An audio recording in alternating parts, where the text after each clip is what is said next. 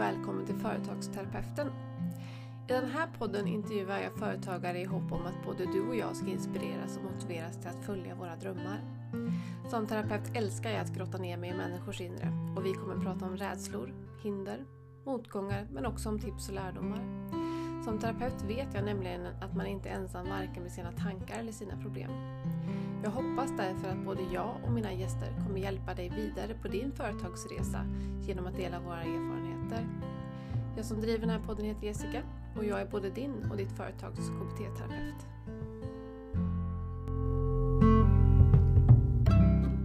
Hej Marie och välkommen till Företagsterapeuten.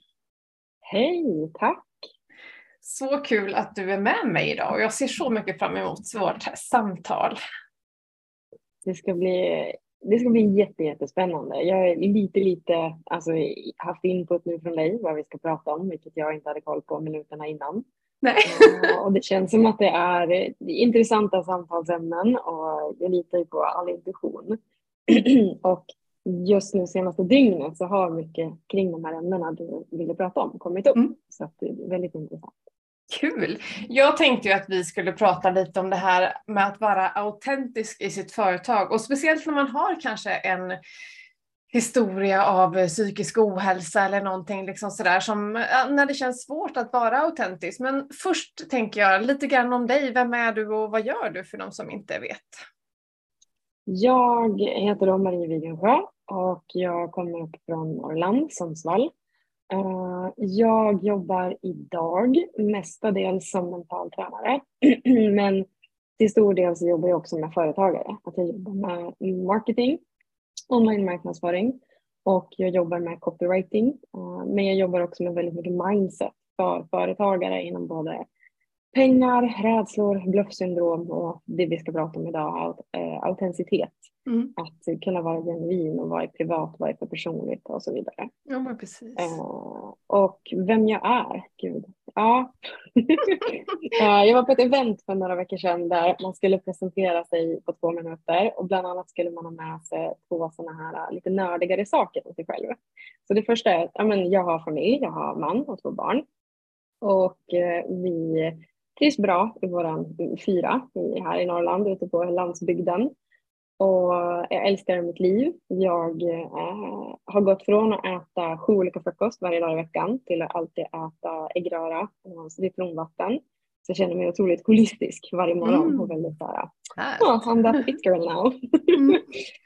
uh, och uh, jag är väldigt driven, väldigt envis, glad men skrattar lite för lite. Mm. Så jag jobbar bara med skratt. Eh, nördiga fakta om mig är att jag är en gamer, så jag sitter och spelar jättemycket tv-spel. Mm. Uh, och är jättetacksam för att båda våra barn tycker också att det är skitkul. Mm. Uh, så att jag ser fram emot att hjälpa dem att skapa LAN och ha egen speldator. Oh. jag är väldigt supportive för dem. Jag vill att alla ungdomar, alla ungar ska samlas här hemma hos oss. Mm. Och att jag är healer, att i allting jag gör så jobbar jag väldigt mycket med andlighet och spiritualitet. Och för mig är det någonting eh, på en liksom kvantfysiknivå. För mig är det väldigt förklarligt, för i grunden är jag, tycker jag om logik. Jag vill ha mm. fakta, mm. jag vill ha tydlighet och struktur. Men jag har inga problem med att sudda ut gränserna. Och precis som wifi, att vi kan inte se internet, men det funkar obviously. Mm. Mm. Uh, så att uh, det är nog lite om Jag tänker att man kan tolka in också jag, ja, att jag inte sa hur jag sa det, lite ja, hur jag är som person.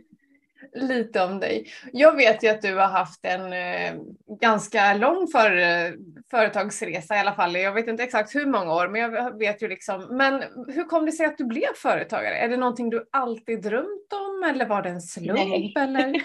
nej, nej, det har jag inte gjort. Jag, aldrig, jag hade inte ens tänkt tanken förrän ja, ett år innan pandemin tror jag. Mm. Så 2019 då. Utan nej, jag har ju förutom det jag liksom delade lite med mig på ämnet vi kommer komma in på är ju också psykisk ohälsa och diagnoser. Mm. Jag eh, definierar mig som att bipolaritet och autism och mycket panikångest, PTSD, är mm. en del av mitt liv, men det är inte vem jag är. Mm. Däremot är det stora delar av mitt liv. Och jag har varit inlagd på eh, tvångsvård. Jag har försökt eh, ta livet av mig Och eh, jag har gått igenom jävligt mycket mörker. Mm. Och min bipolära diagnos är väl den största, det visste jag inte från början, men det är väl den stora drivkraften till att ha blivit egenföretagare. Mm. För jag hade så svårt att hitta ett jobb som fungerade för mig. Mm. För jag fixade inte chefer, jag fixade inte kollegor, jag behöver mycket återhämtning, jag vill gärna sitta i fred på fikaraster. Eh, jag är också högkänslig, vilket är en helt annan del av saker och ting. Mm. Och på den vägen var det, så till slut, jag hade haft 32 olika jobb sedan jag var 16. Och runt när jag var, vad blir det? 28 tror jag. Ja, jag har jättedålig koll på alla år och sånt där, så bear with me. Mm. Men ja, jag hittade, jag sa upp mig i alla fall från ett, från ett support på en teletjänst. Och till slut hittade jag ett jobb som personlig assistent på dygn. Så jag jobbade sju dygn i månaden. Och där stannade jag i nästan sju år. Det var första gången jag kunde leva ett normalt liv och ha en normal lön. Mm. För att familjen funkade med mig, jag funkade med dem, jag hade jättetrevligt på jobbet. Jag hade mycket ansvar för hela dagarna själv och skötte det. Och sen kunde jag vara ledig tre till fyra dagar. Mm. Och det var guld värt. Då fungerade jag. Och sen kom det barn. Sen jag en man och så kom det barn. Och då insåg vi att nu räcker inte jag till, för jag kan inte sova borta. Jag får inte den återhämtningen, jag blir helt slut. Mm. Och däremot en dröm som har funnits, det fanns inte att jag ville bli företagare, det fattade inte jag ingick i författardrömmen. Mm. Eh, men att vara författare och föreläsare och att jobba som coach ändå har legat där sedan långt, långt tillbaka. Mm. Så jag har ändå varit intresserad av sociala medier sedan sociala medier kom. Jag startade blogg så fort blogg.se öppnade. Men bipolär som jag är och var så kunde jag inte hålla mig konsekvent utan bytte nisch och bytte tema och bytte allting hela tiden. Eh, och någonstans där så landade vi in i 2018 eh, då vår son föds, vårt andra barn kommer. Och jag har då jobbat kvar som assistent. Vi märker att det sliter på mig, det sliter på liksom familjen, det här funkar inte riktigt. Vad ska vi göra? Av olika anledningar, så när vår son var fem månader, dottern var två och ett halvt, så sålde vi allting i Sundsvall. Och så drog vi iväg till Karlstad och sen drog vi till Gotland och lärde oss jättemycket saker. Men på Gotland brände vi båda ut oss stenhårt för att flytta med stå små barn och ha båda två olika ADHD, bipolär, PTSD. Det var tufft. Mm. Eh, och ingen liksom resurs att få hjälp. Så att vi kraschade lite på Gotland, men vi läkte också på Gotland och började ta bättre beslut. Och där började jag fördjupa mig i, jag, jag fattade inte först, men marknadsföring mm. i sociala medier. Jag råstuderade allt jag kom över. Jag började förstå mig på det här att köpa kurser. Så jag köpte min första kurs i hur man bygger personligt varumärke och började lära mig om grunderna i det och var fast. Jag var så fascinerad av den här världen.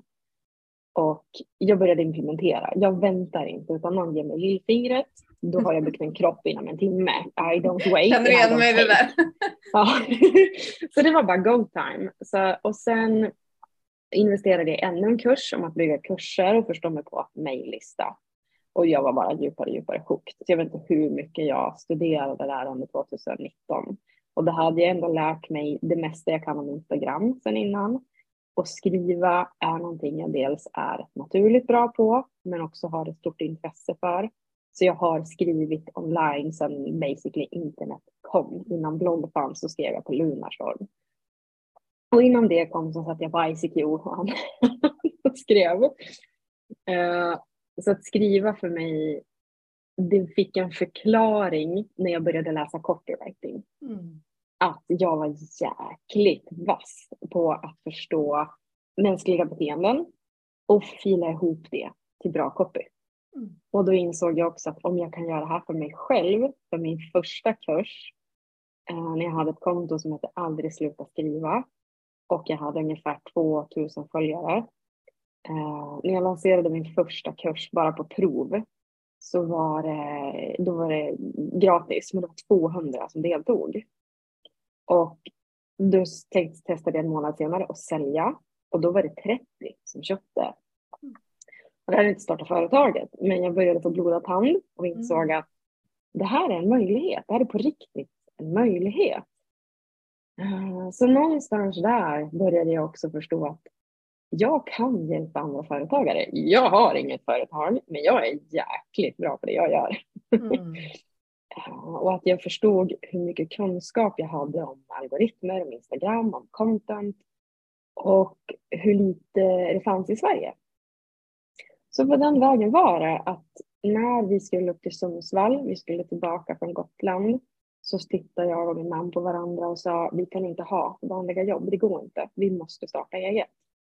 Så då satsade vi på sociala medier tillsammans. Han är fotograf och han är också lika intresserad av det här. Eh, så att på den, där var det. Och sen tänkte nog inte jag att jag vill bli företagare. Jag, det enda jag visste var jag är kass på pengar. Jag kommer aldrig öppna Fortnox. Så jag tyckte mest det var jobbigt och var rädd för, inte det tekniska, utan de här ekonomiska bitarna. Mm. Så det jag visste och hade som mål, det var att jag måste ha minst 10 000 ex moms i intäkter varje månad från start. För att ha råd med någon som sköter ekonomin. Mm. För jag kommer inte göra det. Mm. Och då var det så att i ett av mina första betaprogram, våren 2020, när pandemin kom, då var det en redovisningskonsult med i det programmet. Okay. Så hon frågade mig, behöver du hjälp när du ska starta upp företaget? Och yes, jag, vi ska inte prata om det idag, men jag är jättemycket för attraktionslagen och liksom äh, agera på attraktionslagen och de bitarna. Mm. Uh, så att jag var så här, yes, manifesting this. mm. Och uh, då kom hon in i mitt liv och Sen hade jag några lanseringar och sen satsade jag allt för när jag såg att pandemin kom då hoppade jag in på en ganska tom svensk marknad och började sälja hur du kan jobba hemifrån. Mm. Stor chansning, men det gick vägen och det var ett uppbyggande av att testa sälja, testa igen, testa Facebookgrupper. Hade inte råd med coola kursplattformar från början annat utan det var allt gratis jag kunde testa i. Mm. Och sen 2020 i augusti hade jag min första lansering och sålde ett program som heter Vision Work Tribe och den drog in 210 000. Mm. Och då visste jag att hur den blir, vad som händer, I can do this. Mm. Vilken resa! Yes! yes. och jag, jag har pratat med väldigt många företagare nu och många har ju den erfarenheten antingen av alltså, ofta utmattning men också jag själv som ADHD att jag passar inte i en anställning. Jag är ju den som jobbar för mycket eller jobbar för fort och får sitta av tiden eller liksom man har en slags, man vill kunna hålla balansen själv. Så att det är ju jättevanligt det där, men ofta är det ju rädslan som gör att man inte vågar hoppa mm. liksom. Mm. Men jag vet ju också, eftersom jag har följt dig och, och liksom dina nischer och någonting som du ändå har hållit fast i, det är ju faktiskt att vara autentisk, att du visar ju liksom mycket av dig själv i ditt företagande. Mm. Är det någonting som bara har kommit av sig själv eller är det någonting som du har funderat mycket på? För som jag sa till dig innan vi satte igång inspelningen här så jag började ju som föreläsare och var ute och föreläste om min egen ADHD-resa. Mm. Eh, och sen när jag blev terapeut då kände jag liksom att nej men det här hör inte ihop, jag kan ju inte sitta som terapeut och ha ADHD liksom. Men för mig är det så viktigt att vara autentisk, så jag kände att jag kan liksom inte göra någonting annat än att vara mig själv liksom. Mm. Mm. Eh, och där gjorde jag ett stort val att de som gillar mig, de gillar mig och resten får, får gå härifrån liksom. För man är ju rädd, vad, vad ska folk tycka och tänka liksom. Hur har det Den sett ut för dig? Eh, jag har nog varit mer, det jag befarade mest, det var vad kommer folk att tänka att jag startade inom nischen jobba hemifrån under en pandemi? Folk kommer tycka att jag är en jäkla girig jävel mm. eh, som bara ska profit på, på människor som är i behov. Mm. Och jag var så här, ja men om jag inte gör det, då kommer ju någon annan göra det och den kanske inte har hjärtat i saker och ting. Det blir inte bra. Mm. Eh, så att när det kommer till i all min historia så har jag bara sett den som en fördel. Mm. För jag vill ändå inte jobba med människor som tycker att jag är oproffsig för Nej. att jag har levt ett liksom, annorlunda liv eller varit med om mycket eller kämpat med mycket. Och väldigt tidigt under alla de här åren online så har jag fått kvitton på människor som har berättat att en bloggtext kan ha hjälpt mer än vad mm. tre år i, i, liksom hos en psykolog på affektiva enheten har gjort. Mm. Och att det betyder inte att de inte jobbar med sig själva, men det kanske var en insikt som de kunde ha tack vare den hjälpen. Mm. Så att jag har inte heller tagit på mig att, ah, kolla vad jag kan, utan mer sett att, ah, fast det här är en del i din resa och jag är glad att det här inlägget kan, kan hjälpa. Mm. Uh, så att för mig har det hela tiden funnits kvitton och bevis och tydlig riktning. För jag kan heller inte inte säga som det är. Nej. Alltså, då mår jag så jävla dåligt. Då, mm. då, det är som jag, I autism kallar man det mycket för masking, man maskerar sig själv. Mm. Uh, och det blir som att jag tar på mig den masken och då blir jag deprimerad. Mm. Uh, så jag blir galen om någon försöker sätta en box över mig och säga nu ska du bete dig. Mm. Ja då jävlar kommer jag få se en annan sida av hur arg jag kan vara och hur liksom I will fight until I die. Mm. alltså det har kommit naturligt. Jag fick frågan igår eller förrgår så var det någon som frågade har du någonsin delat någonting som har blivit för mycket? Eller liksom att du har fått något skit för det eller mm. och så. Och, och jag sa ja, jo, det har funnits perioder där jag kanske hade behövt gå igenom någonting innan jag delat det. Inte för att det egentligen var någon som var taskig eller sa någonting dumt eller att jag överdelade så. Men däremot när man är i ett sånt här skört tillstånd, mm. om man är i läkning av utmattning, trauma, PTSD, whatever mm. it is, depression, att man är så skör som man delar saker öppet, vare sig det är i ett fikarum med människor eller någon annanstans, att man överdelar. Att man blir sårad när någon säger jaha, oj, har du varit med om det? Oj, mm. herregud. Att de kan lägga en tonalitet, det behöver inte ens vara något taskigt. Mm. Utan man är så själv i ett skört tillstånd att man fixar inte riktigt att hantera det. Mm. Men som företagare och när jag dessutom coachar mycket andra företagare så, så brukar jag gå in på vilken personlighetstyp är du? Hur personlig vill du vara? Hur privat är du? Vilken mm. slags integritetsnivå är du? Mm. Vad är du bekväm med? För jag tycker att the saying att vi måste utvecklas utanför vår comfort zone mm. är bullshit. Det går jättebra att utvecklas precis innanför linjerna av sin egen comfort zone där vi inte gör våld på vårt nervsystem, där vi inte kör över oss själva. För att det har vi gjort så länge. Så när man är företagare, man ska synas i sociala medier, man ska ha sin marketing. Att vad känns bra för dig? Mm. Om du inte vill dela din historia, men gör en brand story. Mm. Hitta ett sätt att berätta ur ett perspektiv där du får med känslan Även om du inte behöver berätta om allt jobbigt du har varit med om, för det kanske inte passar dig. Mm. Nej precis, och det där tror jag är jätteviktigt, den här gränsen mellan personlig och privat, att den ser olika ut från person till person. Jag tror ju att att jag liksom du kanske har en större gräns där jag har inga problem om att vara öppen med massor med saker. Liksom. Det finns inga, och mina klienter vet inte så att jag håller det hemligt att jag har ADHD eller haft depressioner eller har ångestsyndrom. Det är så det är. Och frågar mm. de mig, hur gjorde du eller hur kände du? Ah. Absolut, jag delar jättegärna med mig. Men det är inte så att jag liksom tar den platsen. Men Nej. Men jag tycker att det är viktigt att jag skulle heller inte, jag går ju sönder om jag håller det hemligt. Men jag vet ju att många tycker att, att jag kanske är för, jag tänker att vi har ju olika gränser för, för mm. öppenheten. Liksom. Men jag känner också att det är precis som du så har jag erfarenhet, jag vet inte om du ser det, jag har en burk där borta i hörnet, hela den är fylld mm. med med brev. Det är också sådana här som jag har delat av med mig av på en blogg. Bara tack så mycket för texterna, för hur det läker och hjälper andra. Mm. Liksom att ens historia hjälper så mycket, precis som du säger, att våga vara öppen ja. och dela med sig. För att alla är inte så där glada som det ser ut, utan vi mår skit ganska ja, ofta. Nej, ändå. Så, nej, man ser, ju mer skrattrynkor det finns, ju gladare mm. och lyckligare människa ser ut, desto mer skit finns det som den har mm. gått igenom. Mm. Det, det, är min erfarenhet. Mm. Precis. Så det är nog så himla viktigt att lyssna eller hitta sin egen gräns och den kanske är svår. Jag vet inte vad din erfarenhet är som möter företagare. Tycker de att det är svårt att hitta liksom? De tycker att det är svårt att våga. Mm. För att ta reda på vissa gränser så behöver man ju våga testa sig fram. Mm. Och att då kolla av, jag är väldigt noga med alla jag jobbar med att kolla av, vart är du i ditt liv? Vad är dina liksom, tillgångar hos dig själv just nu? Mm. Eh, kan du testa det här sortens inlägg? Kan du, orkar du köra en live?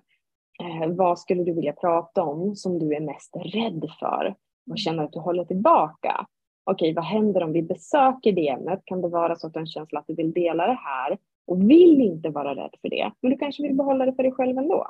Mm. Eller finns det en stark känsla av att jag vill dela det här? Jag är bara rädd för vad andra kommer att säga. Mm. Uh, och då finns det ett uttryck, jag vet inte vem som har myntat det, men det är just det här om du verkar vara för mycket för någon, då får den faktiskt gå och söka upp mindre.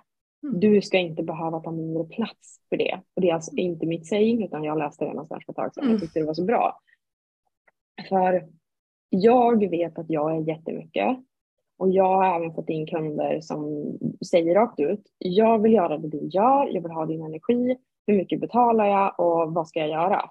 Uh, och då säger jag att det funkar inte riktigt så. Uh, jättefin komplimang, men du måste hitta dig uh, och dina gränser och vad du vill push through och vad du mm. har för budskap och värderingar. För att jag tror att vi är på väg in i en ny era av att sälja och hur man gör affärer. Mm. Men vi behöver alla våga testa Funkar den här marknadsföringen för mig? Gillar jag Instagram? Mm. Borde jag vara på Facebook? Ska jag mm. vara mer in real life och nätverka på kaféer? Mm. Borde jag sätta upp planscher i stan? Ska jag kanske vara oftare på bibliotek och försöka höras och synas? Att vad är jag i behov av? Vad är min målgrupp i behov av? Och hur kan vi mötas? Mm. Så även om vi som företagare ska sätta kundens behov, resa, känslor först för att kunna förstå dem och veta så här skapar jag bäst det du behöver och att du känner dig hörd och sedd. Så ska vi samtidigt kunna göra skillnad på företagandet och oss själv som entitet. Mm. Att jag behöver komma först, annars funkar faktiskt inte mitt företag. Mm. Så det där är hela tiden en balansgång. Så i frågan hur är det svårt att hitta hur är jag autentisk? Svar ja. Det är svårt. För om det var lätt så skulle ju fler göra det. Mm. Uh, och det handlar om att våga och för mig är mycket det grunden av att tro på sig själv, att ha ett självförtroende. Mm. Att veta att även om det känns som att jag misslyckades den här veckan, vad har jag lärt mig? Mm. Vad tar jag med mig? Funkade det inte för dem eller funkade det inte för mig? Mm. Gillade jag det, det jag la ut? Jaha, vad kan det bero på då att ingen reagerade? Kan det vara så krasst att jag behöver lära mig copy? Är det någonting i min intro mina rubriker som inte är konkurrenskraftig mot andra? Eh, och att kunna prata om det utan att man känner att man tar det personligt. Och det är tufft för många i början. Ja men precis, och så tar man ju det personligt. Och på ett sätt tänker jag, om jag har rätt nu, men både du och jag övade väl ganska mycket. För jag tänker på när du hade Instagram, det här att våga skriva eller vad heter det kontot. Och, och jag när jag var föreläsare, att då övade man ju mycket på att vara sig själv och, och då fick man ju bra feedback. Så jag har ju övat på det innan jag blev ja. liksom, som terapeut. Så hade jag liksom börjat från scratch för ett år sedan så kanske det hade varit jättejobbigt att hitta liksom, ja, vart är mina gränser. Men ja. vi har ju övat liksom i flera år på att vara Länge. oss själva innan vi blev företagare. Mm. Men att vara öppna och bara just det. För jag tänker att det är viktigt oavsett vilken diagnos eller utmaning man har att liksom det här är jag. Att vara sig mm. själv och våga liksom mm. för att även en utmattad behöver inse och kanske prata med andra att nej men jag kan inte göra det där för att jag behöver mm. återhämta mig eller liksom sådär. Så den öppenheten tror jag att alla behöver för att må bra. Och att det kanske är en övningsskill som vi faktiskt har övat på i flera år omedvetet mm. innan. Liksom. Mm. Och det är någonting som många vid första ögonblicket, anblicken av alla intryck som är på en dag, att det meditation och medvetande övningar gör, att träna på att vara i närvaro med sig själv, det är att man kan snappa upp då att, ja men just ja, Marie har ju så här lång erfarenhet och du Mm. har ju så här lång erfarenhet. Ni har ju gjort det här. Det finns en jättelång historia. Mm. Medan för många kan se nu att men hur kan hon sälja den här volymen med så här liksom, lite följare? Hur är det här möjligt?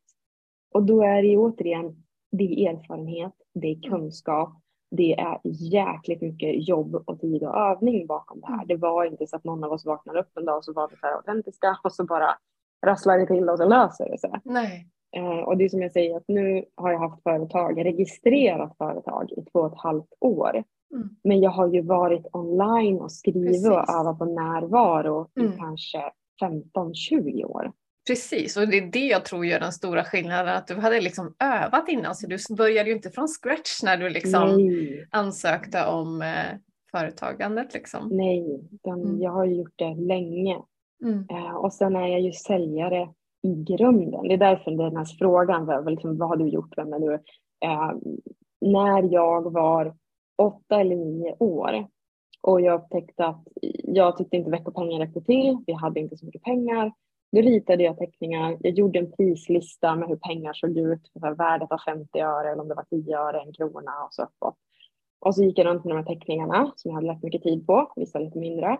Och så visade jag prislistan, så knackade jag på hos folk och så sa jag att jag säljer de här teckningarna och du får själv välja vilket pris du kan tänka dig att betala, vad de är värd. För jag är inte så bra på pengar för jag är nio år. och då frågade många av de här personerna, jaha, och vad ska de här pengarna till? Och då sa jag det, jag ska ha dem till mig själv. Ja, varför då? Vad ska du göra med dem? Ja, jag tror jag ska köpa ett par rullskridskor.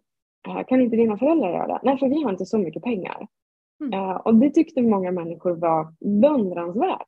Mm. Så att de betalade. Så att jag fick ihop pengar till mina rullskridskor. Mm. Eh, och det, så den delen har nog liksom varit med mig. Mm. Jag har inga problem att sälja, att säga priser, eh, att stå för det jag gör. Mm. Den stora skillnaden på bara det här de senaste fyra, fem månaderna är att jag vid 38 års ålder känner att jag är bra på det jag gör och inte Mm. bara vet att jag är bra på det jag gör. Jag tänker också som när du sa att vi har, eller jag inte har de pengarna eller hur du nu uttryckte det när du skulle sälja. Liksom, jag tänker också att, att du har en egenskap att säga sanningen. Att man Mm. inte har det här filtret. För det kan jag också känna igen mig i att man liksom man vill säga sanningen. För jag kan ibland få så här eh, PM och sådär. Folk säger åh tack för att du är så ärlig och att du pratar om sånt som inte andra vågar. Så blir man så här Ja. shit vad det jag har sagt nu? För för mig är det inget konstigt att säga sanningen. Så jag blir så här shit nu måste jag läsa. Så här, vad är det jag har sagt? Jag gör precis konstigt?" likadant. Jag går in Ja. på inlägg, jag går in på vad har jag, skrev jag den här gången? Vad var det Ja. här?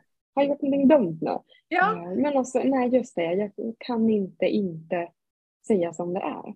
Precis, och jag tror att det för mig är det svårare att liksom ha det där filtret på att liksom försöka försköna eller förfina eller säga att jag vill bara ha pengarna och köpa godis utan det kommer rakt ut varken jag vill Ja. eller inte. Liksom sådär. Och, ja, och jag tror också att det är en fördel och jag tänker att så brukar jag ju även i terapi att man säger ju det att alltså det är att hålla in skammen gör ju det bara sämre för oss. vi Mm. människor vi är ju med om samma saker och har samma känslor. Ingenting Mm. är ju egentligen konstigt. Nej. Nej. Och det jag tror händer, även om personer, för det är ett ämne jag brukar komma in på, och det är, ja men jag är ju inte som du Marie. Nej, Mm. men du kan inspireras till att känna att det är okej Mm. att göra saker som liknar det jag gör, eller att säga vad du tycker och tänker, Mm. utan att konsekvenserna är så pass stora som du tror. Mm. Därför att hittills har ingen satt fäng- handfängsel på mig. Mm. Det är ingen som har liksom gjort någonting dumt, utan eh, visst finns det de som kanske har blivit irriterade genom åren. Och människor har försvunnit för att jag är så pass ärlig. Mm. Det är som jag sa till en ny kompis, eh, en ny väninna heter det väl i vuxen ålder, Mm. eh, på sonens förskola. Mm. Hon kom upp bakom min rygg igår och liksom hejade och vi snackade lite grann. Och så sa vi att vi ska höras. Och då sa jag någonting till henne. Vi har känt varandra i snart två år. Du, vet Anna, det här kan vara jätteviktigt att veta om mig. Jag hör inte av mig till dig om jag inte behöver någonting. Mm. Eh, och jag förväntar mig att du gör likadant. Om du har frågat mig på Messenger hur min helg har varit, då kommer ditt prioritar inte, svar inte vara prioriterat överhuvudtaget. Mm. Säger du att du behöver hjälp med barnvakt eller någonting annat eller att du vill prata om något viktigt för dig, då behöver du mig. I will be there. Mm. Men allt det där lull och sånt emellan, det, det är inte det klassas inte som prioriterat min värld. Och att kunna vara så ärlig och säga som det är, är så otroligt befriande. Mm, för det sätter tydliga, och jag förstår ju också då hur jag är som person och att varför det är väldigt många människor som har försvunnit ur mitt liv. Mm. Så de har tagit det väldigt personligt när jag inte vill sitta och prata telefon två timmar på kvällen. Mm. Mm. Och jag, men jag tänker att det handlar om att lära känna sig själv och det tycker jag är fördelen med att få en diagnos. För när jag fick den, då var det så här, okej, okay, de här personlighetsdragen har jag. Istället för att mm. mota bort dem och tänka att fan, jag ska försöka förbättra mig, jag måste bli en bättre människa, ah. så fick jag omfam ah. omfamna dem. Att okej, okay, jag är impulsiv, jag är det här och hur ja. kan jag göra det bästa och hur kan jag acceptera och bygga den bästa jag? Och jag tänker vanliga personer som inte har diagnoser, för innan jag fick liksom, diagnosen så slogs jag emot mig själv att jag måste komma ihåg det här. Jag måste oh, klara det här och, och, det gick ju inte, det blev ju aldrig bättre. Nej. Så när man Nej, jag kan jättemycket om ADHD, det är därför jag skrattar. För jag ja, precis. Att jag ska bara komma ihåg men, men därför när man fick det på papper så var det ju så här, jag får acceptera. Ja. Jag behöver inte förändra mig själv. Och de som inte tycker om mig för att jag inte kan sitta och fika utan vill ut och gå eller göra saker hela tiden. Ja. De passar ju inte i mitt liv liksom. Och sen kanske Nej. man blir ensam. Men så är det liksom. Så jag tänker att en fördel, tycker jag i alla fall när man får diagnosen, det är just att liksom, okej, okay, hur bygger jag från det här och inte hackar på mig själv utan jag måste mm. jobba med de här sidorna hos mig. Liksom, mm. att acceptera dem och omfamna dem på något sätt. Liksom. Kan du känna mm. igen det? Jättemycket. Mm. Eh, för där är ju dels om, man, vi sätter etiketter och det gör vi nu och det gör vi idag och det gör vi många gånger och det kan vara väldigt skönt. Mm. Sen kan man också prata utifrån väldigt allmänna generella perspektiv. Men jag tänker mig att de som lyssnar antingen har diagnoser, känner igen sig, har anhöriga eller är nyfiken på det. Mm. Och så för lätthetens skull så kan vi säga så här. Autismen är delen då i mig som gör att jag är väldigt rak. Jag har ofta, har, lägger jag inte på ett filter så har jag inget filter. Jag kommer mm. säga som det är. Jag kan vara väldigt cynisk, jag har extremt mörk humor och kan säga jävligt dumma grejer med de som är väldigt nära mig för då slappnar jag av. Eh, min bipolära diagnos, typ 2, den gör ju att jag är ju väldigt upp och ner. Nu är den mm. lite vilande. Men den kan ju klicka igång av saker som stora folksamlingar, mycket stress, för lite sömn och, och till och med liksom eh, starka motivationstal på Youtube. Mm. Att jag hela tiden måste väga hur motiverad jag är, hur driven jag är mot vem jag är som person utan diagnosen. Och vad har jag för personlighetsdrag without that? Eh, och för mig att parera allt det här har precis som du säger handlat om att alltså, embrace it, omfamna. Mm. Det här är delar av mig, okej, okay, vad är mani och vad är min glädje? Mm. Hur vet jag skillnad på det? Vad är depression och vad är jag när jag faktiskt är ledsen? Mm. Eh, så jag hade i, nu ska vi se, det var i, men det var nu i helgen, nu ses vi och det är tisdag. Eh, I lördags så var vi ute och kastade snöbollar och byggde snögrejer med barnen.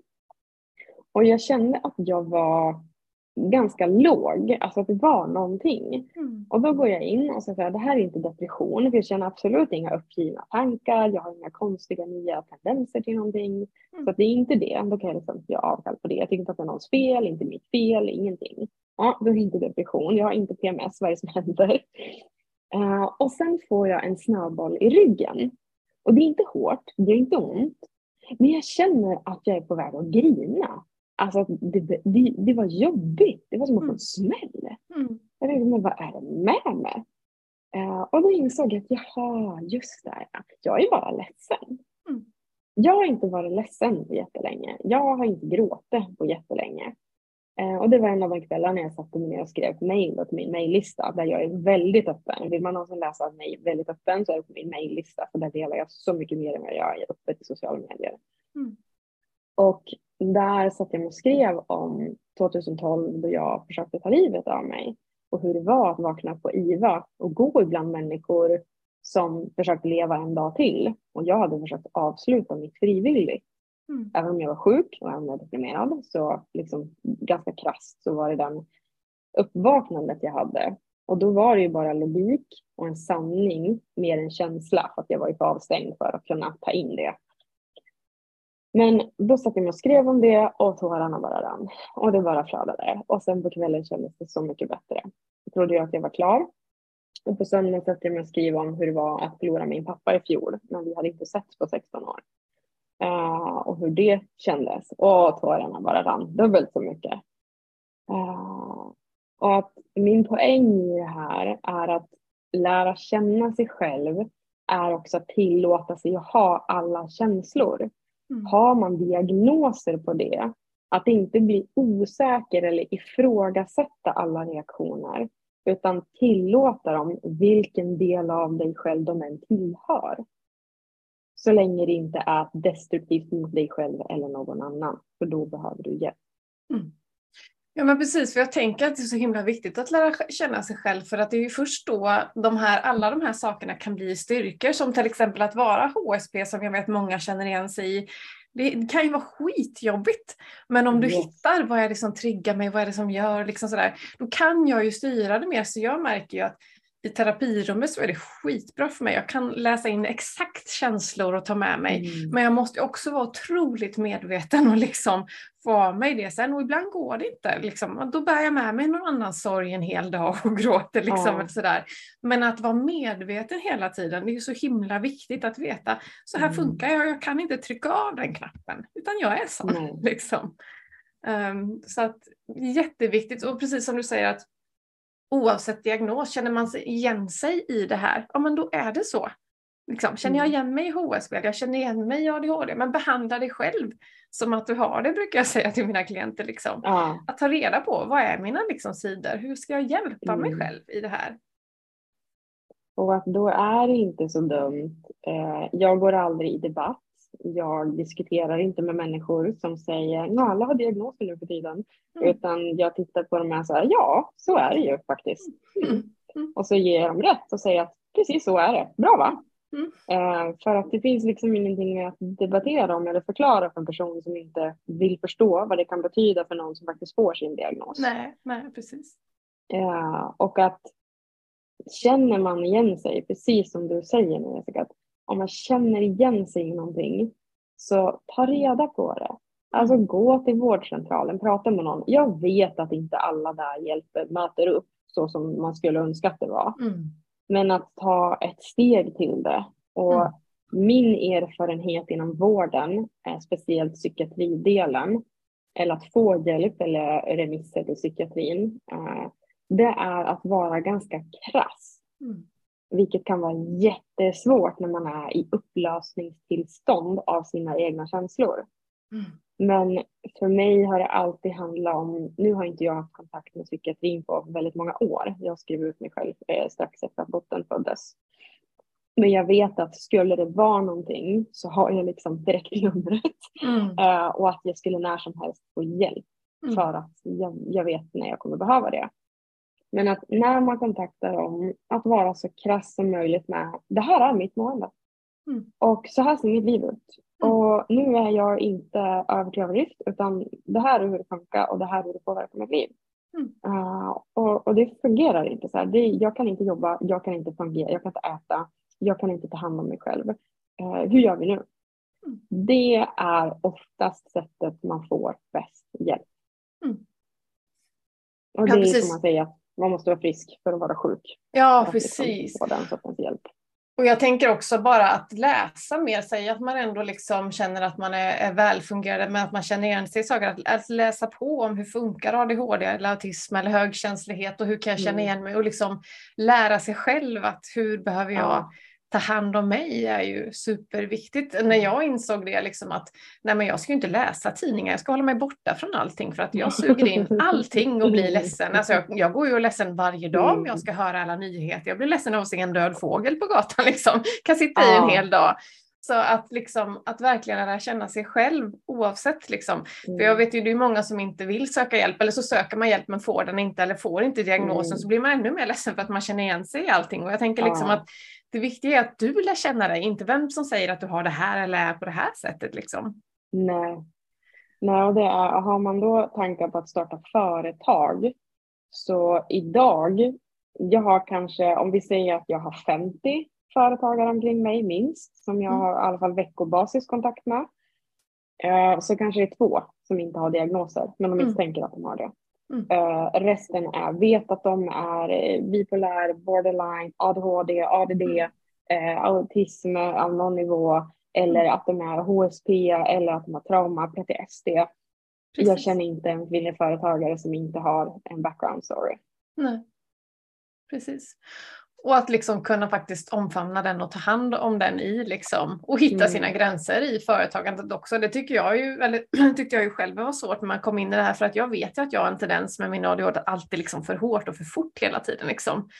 Eh, Men det får jag ju känna till och nu har jag ingen som stoppar mig utan jag behöver bli duktig på att stoppa mig själv hela tiden. Det är ingen som ser Mm. mig nu och knackar på dörren att nu tar du rast Jessica. Eller Hur fungerar det? Hur gör du när du stoppar dig själv? Har du någon så här, Eh, Nej, men jag försöker ju alltså, jag får ju påminna mig själv om att meditera, gå ut i skogen med hunden, inte hela tiden suga in. Jag har en tendens att alltså, lyssna på poddar, läsa böcker, bara suga in liksom. Och till slut blir jag ju bara Mm. dimma liksom. Och då känner jag själv att nu har jag gått för långt igen. Back to basic, liksom. Ut Ja. i skogen, sluta lyssna, lyssna in dig själv liksom. Och det är ju ett ständigt pågående process. Och jag vet ju, för mig går det ju liksom upp och ner så hela tiden. Jag, jag kommer ju hamna, jag hamnar ju i nedstämdhet och de- depression lite så här kontrollerligt, men jag, jag tar det inte på allvar. Ja, nu är jag där igen. Jag vet att jag kommer Ja. upp liksom. ja, Eh, Så min senaste depression, då jobbade jag heltid då. Jag sa till min chef, nej men det är lite jobbigt, Mm. jag har depression just nu. Och hon bara, men herregud. Mm. Jag bara, ah, det är inget att bry sig om. Jag gråter lite här och lite där och sen jobbar jag vidare. Ja. Liksom. Det går över. Ja. Liksom. Det är så det funkar. Mm. Mm. Och det, jag känner jättemycket igen mig. Eh, för jag har ju, nu ska jag se, 2020 och efter den stora lanseringen så körde jag en till vid jul. Och efter det brände jag ju ut mig för jag jobbade ju inte alls särskilt hållbart. Jag jobbade alldeles Nej. mycket med två väldigt små barn. Och där var det en andra smäll av utbrändhet för jag hade ju 2019 först då på, så att jag var ju fortfarande i re, liksom, återhämtning och rehab efter det som hade hänt på Gotland. Och det var ju också en av de liksom, brinnande orsakerna till att starta eget, att jag verkligen inte ville gå tillbaka till något jobb utan göra det här på mitt sätt. Eh, Men sen under 2021 så försökte jag ja, men pendla mellan det där och då upplevde jag det här att ja, men jag var typ utbränd, jag hade svårt med kognitiva nedsättningar. Jag använde vissa dagar när jag hade kraft, inte till att vara effektiv, men att till att få någonting gjort. Alltså Mm. någonting som var, det här ska bli gjort och sen släppte jag det. Mm. Och precis som du säger att i en viss fas av tillåtelse, förståelse och självinsikt så kan man ha alla de här liksom, upplevelserna inom sig själv och även eh, liksom, fysiska funktionsnedsättningar och ändå alltså, manageable att hitta ett sätt. Jag måste Mm. nästan läsa för jag öppnade, vad heter den, Att välja glädje idag av Kai Mhm. Pollak. Mm. Eh, jag läser en bok, men jag får inte läsa något mer ur den därför att jag håller på att jobba med den boken med en kompis och kollega. Eh, den heter eh, Get Rich Lucky Bitch. Ja. Eh, jag kommer inte ihåg vad författaren heter. Den är skitbra, men vi läser bara något kapitel i taget och så jobbar vi med den. Så att jag tänkte att jag måste gå och hämta en annan bok och läsa just nu. Och det gick jag och hämtade och låg överst att välja glädje med Kai Pollak. Och då stod det just, så jag läste det här i morse. Allt kan man ta ifrån en människa, utom en sak. Den yttersta friheten att välja förhållningssätt till det som livet för med sig. Och det här citatet är av Viktor Frankl, han som överlevde, en av de som överlevde Auschwitz. Mm. Eh, och är från Livet måste ha en mening. Och den, jag läste det i morse och så har jag liksom gått runt och begrundat det. Och där du och jag pratar ur oss själva idag, det tror jag för många känns som en avlägsen dröm.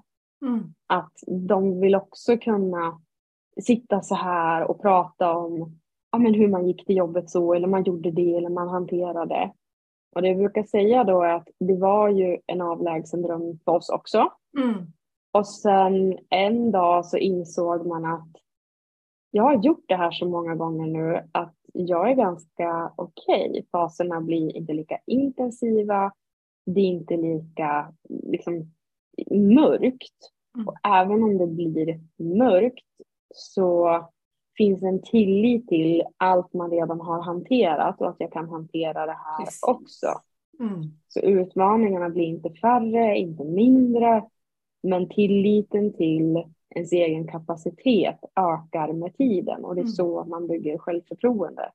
Och jag tänker också att man lär sig känna igen de här tecknen som att om jag blir trött i huvudet och inte man lär, och, liksom, och då hinner man bromsa lite grann i tid. Man blir ju bättre och bättre på att bromsa kanske varje gång.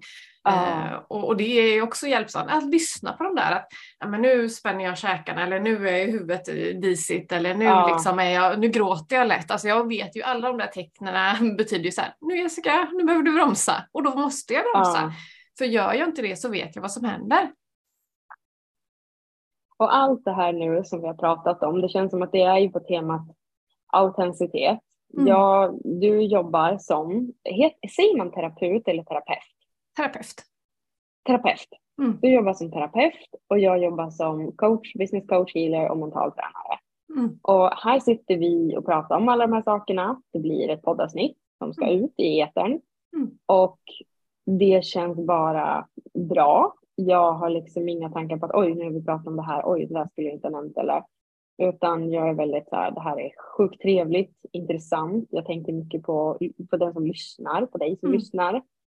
Att tillför det här, eh, kan jag berätta ur det här perspektivet, vad vill jag påminna någon om? Mm. Och att vad det gäller att vara autentisk, att komma tillbaka till vart är du jämfört med vart du vill vara Mm. Och att istället vara här och nu istället för att försöka pressa dig in i skorna du tycker att du borde passa. Mm. Det är att vara autentisk, att vara där du är och inte där du tycker att du borde vara. Det tycker jag blir en fin slutkläm för nu har min hund vaknat här och, och kommer snart tänkte, gå till attack. Ja men jag tänkte det, jag såg att det liksom sjönk längre och längre och längre ner så jag tänkte att nu, nu är det något, inte ett barn, jag tror att det är ett djur. Han, han, brukar, när han blir rastlös så brukar han börja hoppa på mig och säga att nu är du färdig med ditt möte. Så jag tänker yes. vi förebygger det. Men jättehärligt samtal och jag skulle kunna fortsätta hur länge som helst. Det var jättekul att prata med dig. Finns det något sista du vill skicka med lyssnarna eller eh, sådär? Eller har vi knutit ihop säcken bra här tänker du? Det känns som att vi har knutit ihop rätt bra. Eh, det enda jag vill skicka med, det var någonting som jag skrev om i morse. För mm. alltid när jag märker att många av mina klienter pratar om samma saker, mm. då vet jag att det här är någonting som många upplever just mm. nu och tänker mycket på. Eh, jag skrev ner det någonstans, ska vi se här. Uh, nej, har jag tappat bort det. Toppen. Uh, mm. Men det var i alla fall just det här med att ha diagnoser ja. Eh, och ingen koll. Mm. Det var i alla fall om hur lyckas jag sälja online. Att just nu så möter jag många som känner att varför når jag inte ut? Varför säljer jag inte mer? Eller varför säljer jag inte alls? Mm. Eh, om man tycker att man har gått så mycket kurser, man tycker att man kollar YouTube, man tycker att man har investerat i coacher, man tycker att man har gjort så mycket. Mm. Och det jag märker då som är nytt för väldigt många, speciellt i Sverige, är copywriting. Mm. Alltså att skriva så att människor känner någonting. Mm. Att skriva rubriker och captions och ha förståelse för det spelar ingen roll. Nu, nu, säger jag så här, det spelar ingen roll om ditt flöde på Instagram och ditt mail ser ut som skit.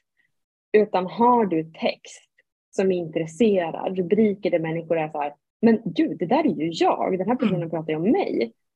Det är vad som säljer. Mm. Så att det är så här praktisk sista grej när man startar företag. Mm. Så finns det så mycket som kan kännas så viktigt. Jag vet att varumärke, hemsida, mejllistan, själva försäljningen, eh, själva liksom, ekonomin, intäkterna, någon som ska redovisa, allt det här. Jag vet att alla bitar hör ihop. Men varje gång jag jobbar med någon så kan jag se att både mindset och copywriting att våga vara sig själv och att skriva och lära känna dem man säljer till är det som skapar försäljning. Mm. Så att som företagare, letar du nästa kurs, letar du nästa grej. Alltså gå in på YouTube och skriv copywriting for dummies. Mm. Och så bara börjar du där, det kommer bli sjukt mycket bra. Och börja öva, börja ja, och skriva och börja, börja testa dig fram. Mm. Yes. Tack så jättemycket. Vart hittar man dig om man vill veta mer om dig? Då är det enklast att hitta mig på Instagram, Marie Wigensjö. Mm. Det är, liksom, det är där jag hänger. Jag har gjort avkall på både Facebook och LinkedIn och hemsidan är inte mycket att prata om. Det där har den aldrig varit. Utan Instagram är liksom, det är, min, det är min hemmaplan, det är min arena. Så där hänger jag. Då länkar jag vidare dit. Men tack så jättemycket för att du varit med mig här idag. Tack själv Jessica. Tack så mycket.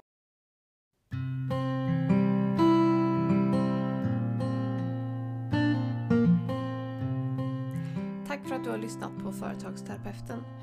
Behöver du coaching och vägledning? Tveka inte att kontakta mig på kontakt jessicahjert.se. Ha det gott! Hej!